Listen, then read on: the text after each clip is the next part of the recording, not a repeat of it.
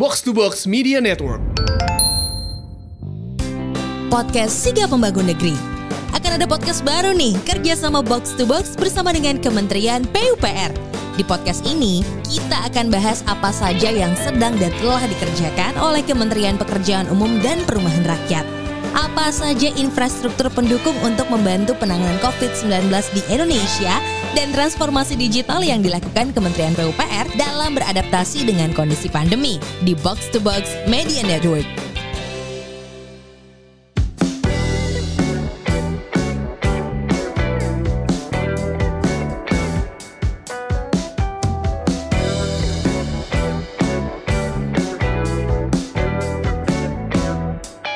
Halo Semurian, welcome back. Ini dia Podcast Semur episode 24. Podcast ini akan ngajak kamu untuk sehat jasmani dan makmur finansial bersama saya FX Mario dan rekan saya ada juga di sebelah sana. Saya Ligwina Hananto. Halo, di sebelah halo. sana jauh gitu ya. Jauh, Mbak? jauh. Sejak episode 2 kita nggak pernah ketemu buat ngomongin Iya, semur. eh Dan ini tuh episode 24 dan selama Hmm. 23 episode dari episode 2 sampai 24 itu kita udah di rumah aja. Heeh, Gokil kan? Tiap minggu rekaman podcast nggak ketemu. Nggak pernah ketemu. Tapi jadi-jadi aja oke lah. Tapi jadi-jadi aja ternyata bisa ya kerja begini Bisa, remote. Bisa. Kayaknya akan forever gini Mar? Enggak, Iya, enggak, nggak tahu tetep deh. Enggak, enggak, jangan, jangan forever. Kalau vaksinnya butuh- udah ada juga gue yakin kita butuh nggak sebuah akan kenapa kayak ya dulu nggak langsung lagi. ya Mm-mm. nggak langsung Eh, hari ini kita mau bahas satu topik yang menurut gue menarik karena Ya. jarang dibahas dan sebagian besar orang ya paling nggak gue lah ya nggak Ah, ah, tahu ah. ini apaan belum Mhm, pernah mhm. melakukan dan takut belum apa Takut. takut duluan Iya. Hmm. Oke, Oke. kita membahas tentang donor darah. Yes, kita bahas donor darah kali ini. Mario udah pernah ya donor darah? Apa lu melakukan Udah. ini rutin? Gue melakukan ini rutin sebenarnya. Ini ceritanya dulu waktu gue ujian masuk UI, UMPTN. Zaman namanya masih UMPTN tuh ya, belum apa sekarang SPMB, SBM, Oh, apalah itu. sangkatan dong kita. Enggak, Lin, mainnya enggak gitu. Enggak usah ngaku-ngaku sangkatan Mario. Sempet, Terus- gue sempet itu, sempet kayak apa ya, kayak kayak bernazar lah kalau gue keterima di UI. Oh, oke. Gue mau donor darah rutin. gitu. Bagian dari Jadi- kegiatan sosial berarti? Yes, betul. Jadi eh, ya udah waktu itu gue udah terima di UI. Jadi sejak zaman kuliah gue tuh udah mulai donor darah rutin tuh. Kadang-kadang PMB-nya juga suka bikin donor eh, ke kampus gitu kan. Gue gue Mm-mm. ikut donor. Walk me through it. What do you do? Kalau donor itu lu cuma dat apa? eh, Oke kalau misalnya ini kita ke Keramat ya ke tempatnya yang di PMI. Lu sebenarnya bisa di PMI mana aja. Kalau di Jaksel tuh ada di Senayan City. Kalau di Jakarta Utara ada di daerah, daerah Priuk, Jakarta Pusat di Jalan Keramat tuh pusatnya kan, Keramat Raya. Oke. Nah, itu lu datang daftar. Ini lu sebagai pendonor sukarela ya, bukan karena diminta keluarga atau apa ya. Mm-mm. Lu datang daftar, ada screeningnya tuh di biasalah dicek tensi, tinggi apa ting- eh, tinggi badan, berat badan, terus eh, ada tes kecil apa eh, jari lu ditusuk buat dicek golongan darah sama hemoglobinnya. Kalau oke, ya udah eh, masuk ngantri sebentar, dites lagi sama dokter, lalu kemudian kalau semuanya udah oke, tinggal masuk ruang pengambilan donor darahnya, ada bed-bed gitu biasanya bed eh, bed berjejer, lu tiduran, diambil darahnya. Ini kalau yang donor biasa itu lu paling sekitar 15 menitan lah diambil semua darah lu. Tunggu, ini tuh diapain? Ditampung. Ditusuk, Ditusuk, pakai jarum, kan Parno Tusuk, kan gue ya. Iya, Mungkin ada semurian yang kayak gue belum apa-apa udah takut ya gitu. Sebenarnya sih emang setelah agak melahirkan setelah melahirkan tiga kali harusnya nggak ada yang gue takuti dong ya di dunia ini Iya, harusnya. Tapi tetap aja kan gue melahirkannya sesar, jadi nggak ngerasa sakit yang gimana gimana banget sebenarnya. Ya kan disuntik tetap juga, the Win. idea is still scary. Tunggu, jadi eh, jarum itu ngambilnya di mana? Di di, lengan itu, di lipatan lengan itu. lengan. Ah, lipatan lengan, lipatan lengan ditusuk jarum. Jarumnya agak gede, nggak kayak jarum suntik biasa. Kayak ngambil darah kalau kita mau tes demam berdarah gitu nggak sih? Iya, betul kayak gitu. Kayak gitu. Tapi Tapi, kan lebih banyak kan- dong amannya. Lebih banyak. Kalau itu kan cuma cuma ditusuk dikit, paling satu suntikan dicabut kan. Ini enggak jarumnya ditempel Oh, kayak di infus deh, kayak 15 di infus. Oke. Ah, kayak di infus, kayak di infus 15 menit. Sakitnya paling cuma ya 10 detik pertama ces pas ketusuknya doang. Udah gitu udah, lu relax aja. Relax, darah lo diambil, selesai. Relax aja, bukan enjoy aja ya. Bukan, bukan. ya you wanna enjoy the process juga boleh Iya, lah, nggak enggak, oke. Terus terus Terus ya udah diambil eh, nanti darah lu ditampung dikasih ke pasien-pasien yang butuh. Oh yang menarik adalah dulu kan kita di zaman sekolah belajar tuh golongan darah A, donor eh, Oh iya iya iya. Itu gimana sih inget A. gak inget gak? Jadi kan Ah, ada ingat, ingat. golongan darah tuh ada O, ada A, ada Aha, B, ada AB, A. AB. Ah, udah gitu Iya. ada resusnya plus plus Iya. gitu kan? Iya, kalau kita Asian kebanyakan kasusnya positif lah, jarang yang Ah. negatif. Eh, terus, nah kalau dulu kan kita diajarin A bisa ke A, B bisa ke B, eh, O bisa semua, AB bisa terima semua, ya kan? Mm-mm. Nah tapi pada prakteknya sih setahu gue sekarang cuma boleh A ke A, B ke B, O ke O, AB ke AB gitu. Oh oke. Jadi udah enggak yang cross golongan Ah, darah dulu kan ada istilahnya sekarang. Donor universal, terus apa resipien universal. Kayaknya sekarang di PMI udah nggak diberlakukan itu deh. Jadi ya udah karena gue golongan darah A, gue dites itunya A, cuma buat ke yang A doang. Lu sesering apa Mar donor darah? Kalau menurut aturannya PMI eh, setahun tuh bisa empat kali per tiga bulan sekali ya. Per tiga bulan sekali ya. Gue Kayak kadang-kadang quarterly gitu jadi ya. Heeh, heeh, sesempatnya aja. Um, apa ya mitos yang terjadi? Hmm, kalau tekanan darahnya rendah nggak boleh, benar nggak yes, sih? tekanan darahnya kan nggak boleh. Makanya kan tadi gue bilang awal di awal di screening dulu Oke, kan. screening Nah. dulu ya. Oh, sih. Gue pernah nih kejadian ada cerita lucu. Jadi kan eh, katanya kalau yang fit itu kan resting heart rate-nya rendah. Mm-mm. Nah, gue pernah tuh ditolak satu hari. Pak, bapak Karena terlalu rendah. rendah banget. Iya. Bapak nggak pusing-pusing? Enggak. Ya udah, akhirnya gue jalan dulu ke parkiran, muter-muter, naik tangga satu dua lantai, gue balik. Oh, coba iya iya tensi iya iya. lagi. iya. Kalau orang yang dari mudanya olahraga, begitu dia istirahat tuh si heart rate-nya tuh rendah banget. Rendah itu banget, terjadi iya, sama iya. laki gue sama anak gue yang laki. Iya, iya itu. Jadi karena kita kita dengar bapak nggak terlalu rendah nih, nggak nggak pusing, enggak kok baik-baik aja kok saya sehat. Ya udah, gue coba jalan-jalan lima menit, tensi lagi, oh ya normal ya udah boleh. I see. Gitu. Oke. Iya ya. Jadi itu eh, ya biarkan mereka yang profesional yang menentukan kita Iya, kita iya. dalam kondisi fit untuk diambil enggak. darah atau enggak Hmm. gitu. Mar, Mm-mm. zaman dulu tuh gue taunya ambil darah itu di film-film film Hollywood yang Aha. kalau di film Hollywood tuh dikasih duit lah, dikasih makan lah, dikasih apalah. kalau Oh, prakteknya iya, di Indonesia kayak orang- apa sih? Orang yang nggak punya duit, homeless jadi kelaparan Ah, ini nyumbang donor. darah gitu kan. Ah, ah. Kalau di Indonesia kayak apa sih sebenarnya?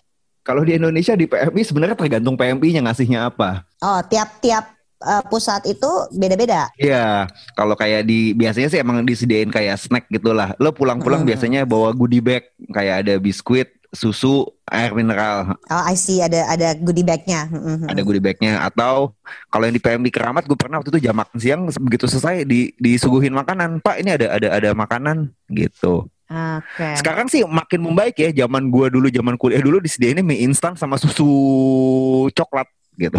Zaman sekarang Kayaknya makanannya udah enggak. makin lengkap. Iya, Kayaknya enggak banget gitu minta di rumah aja. iya. Zaman sekarang udah makin lengkap. Yang di PMI gue pernah ditawarin kayak nasi rames gitu satu satu piring gitu kan. Atau Oke, ya udah ini- ini menarik mau nasi karena, rames atau goodie bag. Eh, jiwa SJW gue terpanggil gitu kan, selalu ingin Ah, membela kebenaran dan Ah, menyelamatkan orang banyak gitu kan, superhero Ah, syndrome gitu. ah. Si si donor darah ini salah satu kegiatan sosial yang gue belum pernah lakukan. Eh, satu karena gue takut, Ya. dua karena biasanya gue kayak gini-gini kan berdua sama laki gue. Nah laki gue tuh Hmm. em, apa ya, udah nggak cuma sekali, udah beberapa kali kalau lihat darah tuh pingsan. Oke. dan dan itu kan kondisi yang tidak bisa diatur kan Iya. kapan dia kuat sama kapan dia pingsan tuh gua nggak tahu bedanya gitu Iya. pernah pernah dia kakinya terluka terus dia tahu-tahu gelap aja nggak bisa nggak nggak sadar Hmm, Eh, anak gue disunat jangan. juga waktu itu dia pernah kayak gitu tapi waktu anak gue diambil darah dia baik-baik aja Hmm. Idul Adha kurban jadi petugas di lapangan juga baik-baik aja jadi gue nggak tahu kondisi kapan dia akan Mungkin musi, musi darah manusia kali. Kalau darah hewan bodo amat kali ya.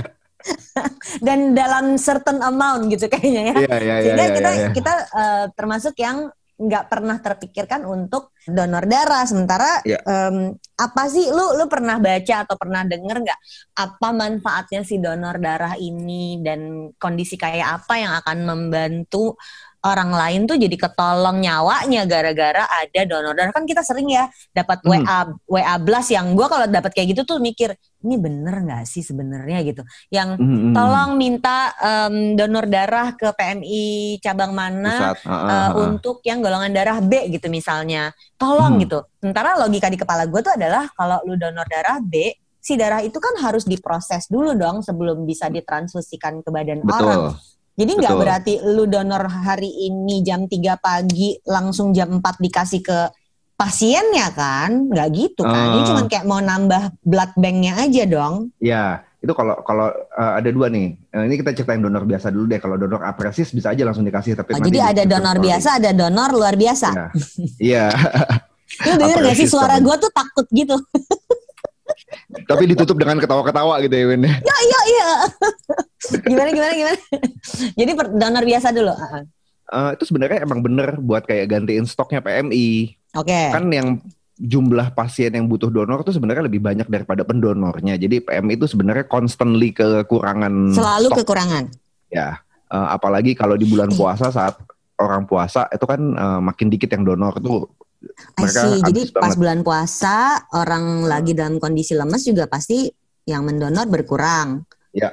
Apalagi kayak Terus, pandemi gini juga Lagi rasa pandemi yang gini, mendonor, jadi berarti pasti eh, susah dong ya? pasti susah. Yang donor dikit banget. Gue waktu gue datang ke PMI Priuk itu, gue sendirian gitu, Ya siang-siang. ampun. Mm-mm, Jadi So emang this is an urgent thing that we really need to talk about. This Ini Iya. sesuatu yang penting karena urgent banget dan dan ya dalam kondisi normal aja susah, apalagi lagi pandemi ya. iya. Yang sakit Oke, lebih oke. banyak, yang donor berkurang gitu kan. Ya udah. Jadi kalau donor biasa, Kalau donor biasa darah lo diambil, diproses, nah itu buat gantiin buat gantiin stok darah yang udah ada, yang udah jadi gitu kan, yang jadi bisa dikasih ke pasien, yang baru ini supply baru untuk diproses, untuk disimpan. Gue lupa Oke. si darah itu kuat berapa lama, tapi eh, kalau yang da- donor darah biasa tuh dia tahan sekian jangka waktu deh, gue lupa gitu. Ya jadi selalu harus ada blood banknya PMI yang Iya. di-refill lah istilahnya gitu ya. Tapi kalau yang tadi lu bilang apresis beda lagi, Mar. Kayaknya di lagi. episode-episode kemarin tuh lu, waktu kita bahas medical check up lu juga sempat cerita lu melakukan donor darah yang bukan biasa ini dan jadi ada Ya. screening yang berbeda ya karena kan yang sebelum yang Ya. biasa tuh lu cuma cek tensi tinggi badan Heeh. berat badan cek golongan darah Heeh. hemoglobin terus Heeh. ambil darah selesai gitu kalau yang apresis Ya. ini gimana Yang apresis nih sebenarnya jadi kalau yang donor biasa kan ya udah semua darah lu diambil terus eh, darah lu diproses lalu dikasih ke pasien. Kalau si apresis ini nggak semua darah lu diambil. Jadi cuma satu komponen darah trombosit darah yang diambil. Eh, itu Oke. prosesnya lebih panjang Win. Di- eh, kalau yang biasa kan cuma butuh 15-20 menit gitu selesai gitu kan habis di, di- ditusuk lo bisa pulang. Nah kalau yang si apresis ini karena diambil cuma trombosit, jadi ada cycle-nya. Badan Oke. apa? ini agak agak horor ya mungkin buat lo ya, tapi eh mari kita dengarkan guys dengarkan aja. apa ya? Jadi kalau si donor apresis ini eh, darah lo diambil, dimasukin ke mesin, kayak difilter, diambil yang Oke. dibutuhin, terus komponen yang tidak dibutuhkan untuk didonorkan dibalikin lagi ke badan. That's one cycle. oh One cy- satu cycle-nya 15 menitan sekitar 15 mungkin nggak sama menitan. persis tapi kayak jadi kayak cuci darah nggak Iya, sama persis cuci tapi darah, kurang lebih. kayak cuci darah kan darahnya masuk ke mesin terus balik lagi gitu Iya, iya. Nah, biasanya kalau donor apresis itu ada 4 sampai 5 cycle, jadi kurang lebih satu jam tiduran aja, darah diambil sedikit, difilter, dibalikin, diambil, difilter, dibalikin kayak gitu. prosesnya jadi lebih lama nggak cuma 15 menit Yes. ngambil darah Yes, Oke. yes. Jadi yang Nah. terus yang diambil kalau dulu kan kalau darah biasa udah kelihatan tuh kantong darah merah gitu kan. Mm-mm. Kalau si apresis ini kantongnya ku- kekuningan deh warnanya eh, Oh, kuning-kuning. that's very interesting. Iya iya jadi trombositnya diambil warnanya agak kuning dan itu biasanya dipakai buat eh, apa eh, pasien Oh ya, leukemia atau apa? Oh, Untuk eh, oke. spesifik untuk pasien yang leukemia atau cancer gitu kan. Kayak gua kemarin ini terakhir di Rumah Sakit Darmais. Mm-mm. Ini jadi nggak di PMI lo ngambil untuk apresis. enggak enggak gua Ini di RS Darmais. Darmais. uh, di Darmais. Waktu gue lagi ngambil uh, pendonor sebelah gue bilang, ya nih donor yang apa darah yang gue pakai nih abis ini begitu selesai di screening langsung dikasih pasien. Jadi emang emang kebutuhannya Wow. juga sangat kenceng gitu. Wow. Ya, leukemia itu adalah salah satu kanker yang sangat fatal ya. Yang Hmm, hmm, hmm. kalau sakit tuh benar-benar proses sakit dan proses Tuhannya, sembuhnya ya, tuh berat gitu. heeh. Ya, Kita ya, ada ya. temen yang anaknya kena, ada temen Hmm. yang em, kayaknya gue ketemunya tuh temen-temen gue tuh anak loh yang kena. Ada tiga orang paling enggak yang gue kenal Hmm, anaknya kena. Eh, dan dari tiga itu dua nggak survive tapi yang satu survive dan itu masih pengobatan terus tidak berhenti. Hmm, so begitu pentingnya ya em, temuan baru tentang darah yang ternyata kalau kita tadinya cuma tahu donor donor darah titik gitu Ya. sekarang ada donor darah apresis. Hmm, Oke. itu. Em, Dan uh, screeningnya juga beda. Screeningnya Oh. beda, screeningnya beda. Seberapa sering lu melakukan si donor darah yang biasa sama yang apresis? Kalau yang donor darah biasa, gue paling setahun tiga kali empat kali. Kalau yang apresis baru sekali nih. Tapi Oke. Mar idenya eh, yang dari gue- mana lo ikut yang ini Mar? ada teman di Twitter. Dasar anak Twitter. Terus jadi Twitter ada gunanya. terus terus. ya ada lah. 10 tahun terakhir ini hidup kita terbentuk Iya, be- was being shaped by Twitter loh. parah banget. Tapi ada positifnya. ha. Jadi ada teman di. Twitter yang Bukan- menceritakan bukan doang. donor apresiasi. Jadi bukan Twitter doang ya isi Twitternya ya. iya iya. Ya, jadi ada teman Twitter yang bilang "Eh, ini ada ada jenis donor baru. Eh, dulu gue udah pernah pernah mau ikut gitu kan. Eh, gue pernah tapi dulu yang dulu gue nggak lolos screening karena dibilang darah gue kekentalan. Kayaknya Oke. malam sebelumnya gue abis abis makan ramen enak banget tuh berlemak kayaknya darah gue sampai kental sampai ditolak. Oh bisa kayak gitu ya? Bisa bisa. Jadi beneran lu mesti jaga kesehatan banget buat yang si apresis ini. Ya, Eh, ya. Terus screeningnya juga lumayan eh, kenceng gitu kan. Eh, Waktu itu gue diambil darah dulu. Ini diambil darah yang dikit lah, yang 5 mili gitu kan, yang satu tabung gitu. Mm-mm. Dicek. Ternyata dites untuk HIV, untuk penyakit menular kelamin, sama gue lupa satu lagi hepatitis kalau nggak salah gitu. Dan itu saat itu juga hasilnya. Saat itu juga enggak eh, besokannya lah, besokannya. Oh next Nah, day ya, next day. bedanya, Oke. Heeh. kalau si donor yang biasa itu tesnya dilakukan belakangan. Jadi darah lo diambil dulu, nanti diambil yang sampel kecilnya buat dites di lab. Kalau lu baik-baik aja nggak akan dihubungin, tapi kalau lu ternyata ada penyakitnya, lu akan ditelepon PMI, entah lu suruh tes ulang atau entah lu stop donor dulu, sembuhin dulu. eh, biasanya kayak gitu. Gue Oke, sementara si yang Mm, yang apresis ini uh, karena screeningnya dia di mau depan. langsung pakai ya, jadi Ah. jadi enggak enggak jadi blood bank kayaknya ya kalau kalau Ya. dengar si pendonor yang sebelah lo, sehingga Mm. tesnya saat itu juga langsung supaya oke aman next day itu Aman langsung donor, dipakai iya. berarti Iya, se-urgent itu. Heeh. gitu. Tadi lo mau Ya nambahin apa? Oh, gue pernah uh, waktu yang donor yang masih donor yang biasa itu, gue dibilang gue punya hepatitis. Gue kan pernah Oh, sakit kuning oke. dulu waktu kecil. Eh, mungkin waktu itu kondisi badan gue lagi drop, terdeteksi apa sih kayak antibody yang buat hepatitis gitu. Tapi akhirnya gue second opinion ke lab-lab lain sampai dua kali apa tiga kali gitu, semuanya negatif. Gue bawa hasilnya ke PMI, ya udah, gue dapat uh, clearance ya udah lu boleh donor lagi gitu. Hmm, Jadi Oke. sebenarnya secara tidak langsung dengan mendonor, lo membantu orang lain, lo juga ngecek kesehatan lo sendiri. Ada penyakit nggak nih, gitu kan? Ya. Karena kalau Ya, ya, kalau ya. lo nggak sehat, it's either lo ditolak atau lo disuratin sama PMI. Gitu. Heeh, jadi tahu ya uh, apa yang Mm-mm. bisa bisa apa ini kayak bagian dari screening reguler aja karena lu Iya, rutin iya. melakukannya gitu. Iya, iya. Oke, very gitu. interesting. Dan tes HIV mahal loh. Iya, gue pernah tes HIV tahu. Gue juga Gue pernah. pernah. Waktu, gue waktu pernah mau waktu. bayi tabung. Oh oke, gue waktu mau eh, bikin asuransi jiwa. Jadi Hmm. waktu itu, jadi sebelumnya kan asuransi jiwa itu cuman punya laki gue aja. Eh, waktu Hmm. hamil anak ketiga, akhirnya kami memutuskan gue juga harus punya asuransi jiwa karena penghasilan gue mulai ada kontribusi signifikan ke eh, rumah rumah tangga gue.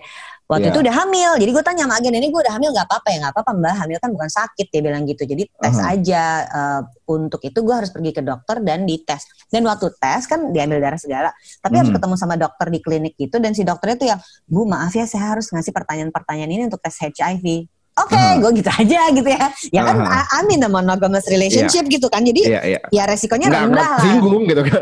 Ah, dan dan gue tahu konteksnya apa gitu tapi Iya, iya, maaf iya. ya bu ya tapi harus bertanya terus dia ngasih pertanyaan-pertanyaan tuh yang bener-bener yang apakah punya uh, pasangan lebih dari satu pertanyaan-pertanyaan Iya, tuh yang iya, gitu iya, iya. I can imagine ketika ini orang single misalnya yang beresiko HIV tinggi uh, terus dia harus dites kayak gitu harus menjawab pertanyaan-pertanyaan itu that would be so awkward gitu Hmm. sehingga ya kebayang orang mau tes HIV tuh susah ya ya gak sih Iya, iya. nggak semua orang bersedia membuka diri gitu kan Oh, di di, di PMI juga ada ada ada kuesionernya lo uh, punya pasangan lebih dari satu apa enggak terus pernahkah melakukan Hmm. hubungan seks tanpa pengaman kayak gitu-gitu Iya, ada iya, ada iya, ada iya. screeningnya juga jadi emang Hmm. emang itu ya kalau lo emang beresiko jujur lah daripada membahayakan orang lain jadi juga nggak membahayakan kan. orang lain gue mau Hmm, bacain beberapa poin tentang donor darah yang ini sumbernya adalah dari Halodoc ya dari Halodoc Aha. tuh cerita kalau dan ini basically apa yang tadi diceritain Mario ada screening untuk mengetahui infeksi menular lewat transfusi darah pada tubuh pendonor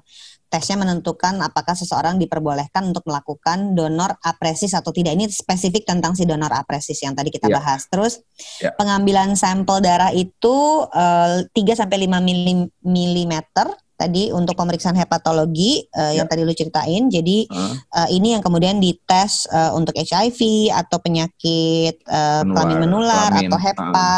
Eh, abis itu semua pemeriksaan diketahui hasilnya. Jadi pendonor diminta untuk mengisi formulir informed consent. Jadi kayak de- Yes. declare declare bahwa Declare, saya ah. bersedia untuk dicek gitu ya, Iya. Maria. Iya, iya. Habis itu ada pemeriksaan medis, diberikan penjelasan seputar persiapan donor, dan setelah itu berlangsung antara satu setengah jam sampai dua jam. Iya, Yang itu yang tadi lu bilang bilang, empat- jadi empat karena sampai lima dimasukin ke dalam. itu. Ah, ah, ah, ah. Jika sudah selesai, pendonor diminta beristirahat sekitar 10 menit di tempat tidur dan mengkonsumsi beberapa menu seperti susu larutan ion yang membuat tubuh kembali fit. Nah, Ya, hasil donor apresis tersebut dikirim ke rumah sakit untuk diberikan kepada pasien yang membutuhkan. Jadi emang benar-benar bukan di store di PMI kalau yang donor apresis ini kelihatannya ya, guys. Iya. Karena langsung harus dipakai untuk Mhm, mhm. para penderita kanker le- leukemia. Gue bener-bener nggak tahu sama sekali tentang donor darah. Jadi begitu tahu donor apresis, jadi makin wah ini apa lagi gitu. Iya, iya, Um, iya. Gue sempat terlibat di fundraising untuk bantu penderita dan penyintas kanker, namanya Miles to Ya. Share. Ini geng Mhm. lari sebenarnya dan foundernya tuh namanya Mas Kamil, yang Oh, iya, sekarang juga, ah, tahu kan? Yang sekarang juga Survivor juga lagi dia kan. ya dia survivor kanker dan dia lagi bantuin juga untuk bikin eh, di Instagram kalian bisa follow namanya Pandemic Talks itu banyak Ya. banget infografis bagus-bagus untuk kita jadi aware dan gak halu tentang pandemi nah selama pandemi ini Mil, eh, eh, Mar jadinya Hmm, eh, perhatian orang pada fundraising sosial yang lain tuh turun Iya. Makanya gue juga perhatian pengen ya ngomong. eh Si si si pendonor sih mungkin masih ada yang udah reguler kan. Jadi mereka jalanin terus. Tapi si publiknya tuh kan distraksi ya kena kayak lupa distraksi gitu, kan. iya. Kan sibuk mikirin yang lain gitu. Ya Iya. mikirin perut juga sih. Kan orang banyak yang kehilangan pekerjaan ya. Ya sih? Iya, nanti abis ini kita ngomongin itu ya, ngomongin perut ya abis ini kita ya. habis ini kita ngomongin perut. Tapi you go. Uh, ini jadi um, info yang menarik buat buat Semurians bahwa um, ada banyak hal yang kita perlu ketahui di antaranya adalah si donor darah tadi. Ada lagi nggak Mar? Hmm. Um, jadi kalau orang ada yang tertarik untuk donor, apa yang bisa lo ajak mereka uh, atau encourage mereka gitu? Kayak kayak orang kayak gue gitu kan. uh, dalam hati kecil tuh ada gue tuh tertarik tapi gue takut tapi gimana tapi gitu-gitu Iya, gitu banyak tapi gitu Iya, iya. Uh, apa yang membuat tuh kemudian udah berangkat aja gitu. Apa Mar? Supaya uh, semurian kalau ada yang kayak gue bersedia menetapkan hatinya untuk oke sini gue donor gitu Tentunya waktu masa pandemi ini yang gue takutin adalah eh, penularan virus dong ya. Eh, tapi makanya sebelum sebelum gue kemarin donor gue udah nanya kiri kanan lah eh, di PMI itu gimana eh, prosedurnya segala macam. Oh aman semuanya pakai APD, semuanya pakai masker, pakai face shield. Terus yang waktu donor apresis ini gue ngobrol sama teman-teman dari Yayasan Laskar Apresis Berbagi. Nanti Oh, nanti gue oke. kasih nanti eh, gue gue tweet juga deh tweet ya yayasan apa tadi Uh, yayasan apresis berbagi Laskar Apresis Berbagi. oke Nah itu nanti uh, di situ ada kontaknya ngobrol, ngobrol aja tanya-tanya dulu sama mereka Hmm. gimana prosedurnya. Biasa nanti akan isi form, nanti mereka akan bantuin bikin janji buat screening medicalnya. Oh iya karena si donor uh, ini kebutuhannya kencang, jadi biasanya mereka akan akan akan akan kontak lo harian. Eh hari ini lagi ada kebutuhan golongan uh, darah A nih, lo bisa nggak? Wow. Kalau lo bisa, ya udah langsung capcus gitu. Gue lupa tadi A presis pun berarti hanya bisa dikasih A ke AB ke B, AB ke AB, O Ya. ke O gitu kan ya? Sesuai sesuai donornya juga, eh sesuai golongan darahnya juga. Sesuai golongan darahnya. Hmm. Wow, oke. Dan itu Lu apa golongan darahnya, harian. Mar? A. Lu A, oke. Gue Iya. O. Lu? Laki gue juga O. O. Mhm. Nah, itu. Gue menyokap sama adik gue sama bokap gue sama. Mhm, mhm, mhm. Oke. Gue sama nyokap juga sama.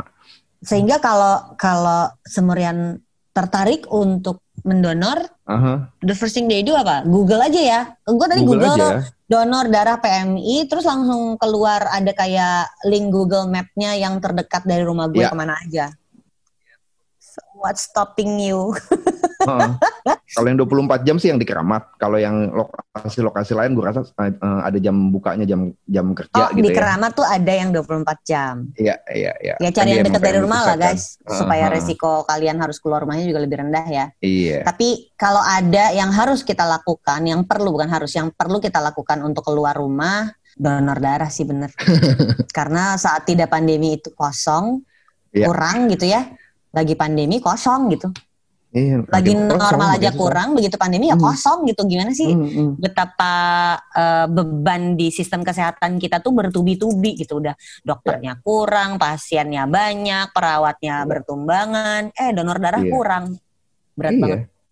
Oke, itu dia guys tentang donor darah, informasi Mm-mm. yang mungkin kurang hits untuk diobrolin ya nggak sih Mar? Ya, ya, ya. Tapi Penting, tapi kayak pengen berbagi apa ya? Gue pengen perba- eh, pengen berbagi concern aja gitu bahwa Mhm. ada loh, ada loh eh, selain COVID ini masih ada pasien-pasien lain yang butuh Yes. bantuan kita dan we can help them by giving our blood gitu. Basically lu nggak ngapa-ngapain cuma cuma tiduran doang 15 menit. kalau ada memori yang pengen lu inget dari 2020, ini kan berat ya, memorinya jelek aja, ada Hmm. aja kabar buruk dari Hmm. Januari sampai September nggak selesai-selesai Hmm. kabar buruk terus. Dimulai dari memori. banjir ya Mulai 2020 mulainya dari banjir, tanggal 1. 1 Januari.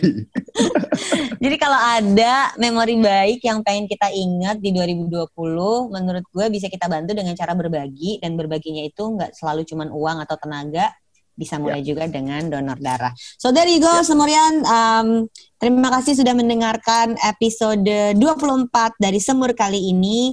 Kita membahas sesuatu yang kesannya nggak hits banget, nggak tren, jarang diomongin, tapi gue rasa semua orang sepakat kalau ini penting. Gue juga belum tahu kapan gue akan memberanikan diri untuk melakukan ini, but it's still on my mind. Uh, Dan tentu saja um, kami senang sekali kalau kalian bisa ikut berkontribusi. Saya Yes. Ligwina Hananto. Dan saya FX Mario. Buat apa sehat tapi nggak punya uang, buat apa makmur tapi sakit-sakitan. Live long and prosper. Live long and prosper. Bye. Bye-bye.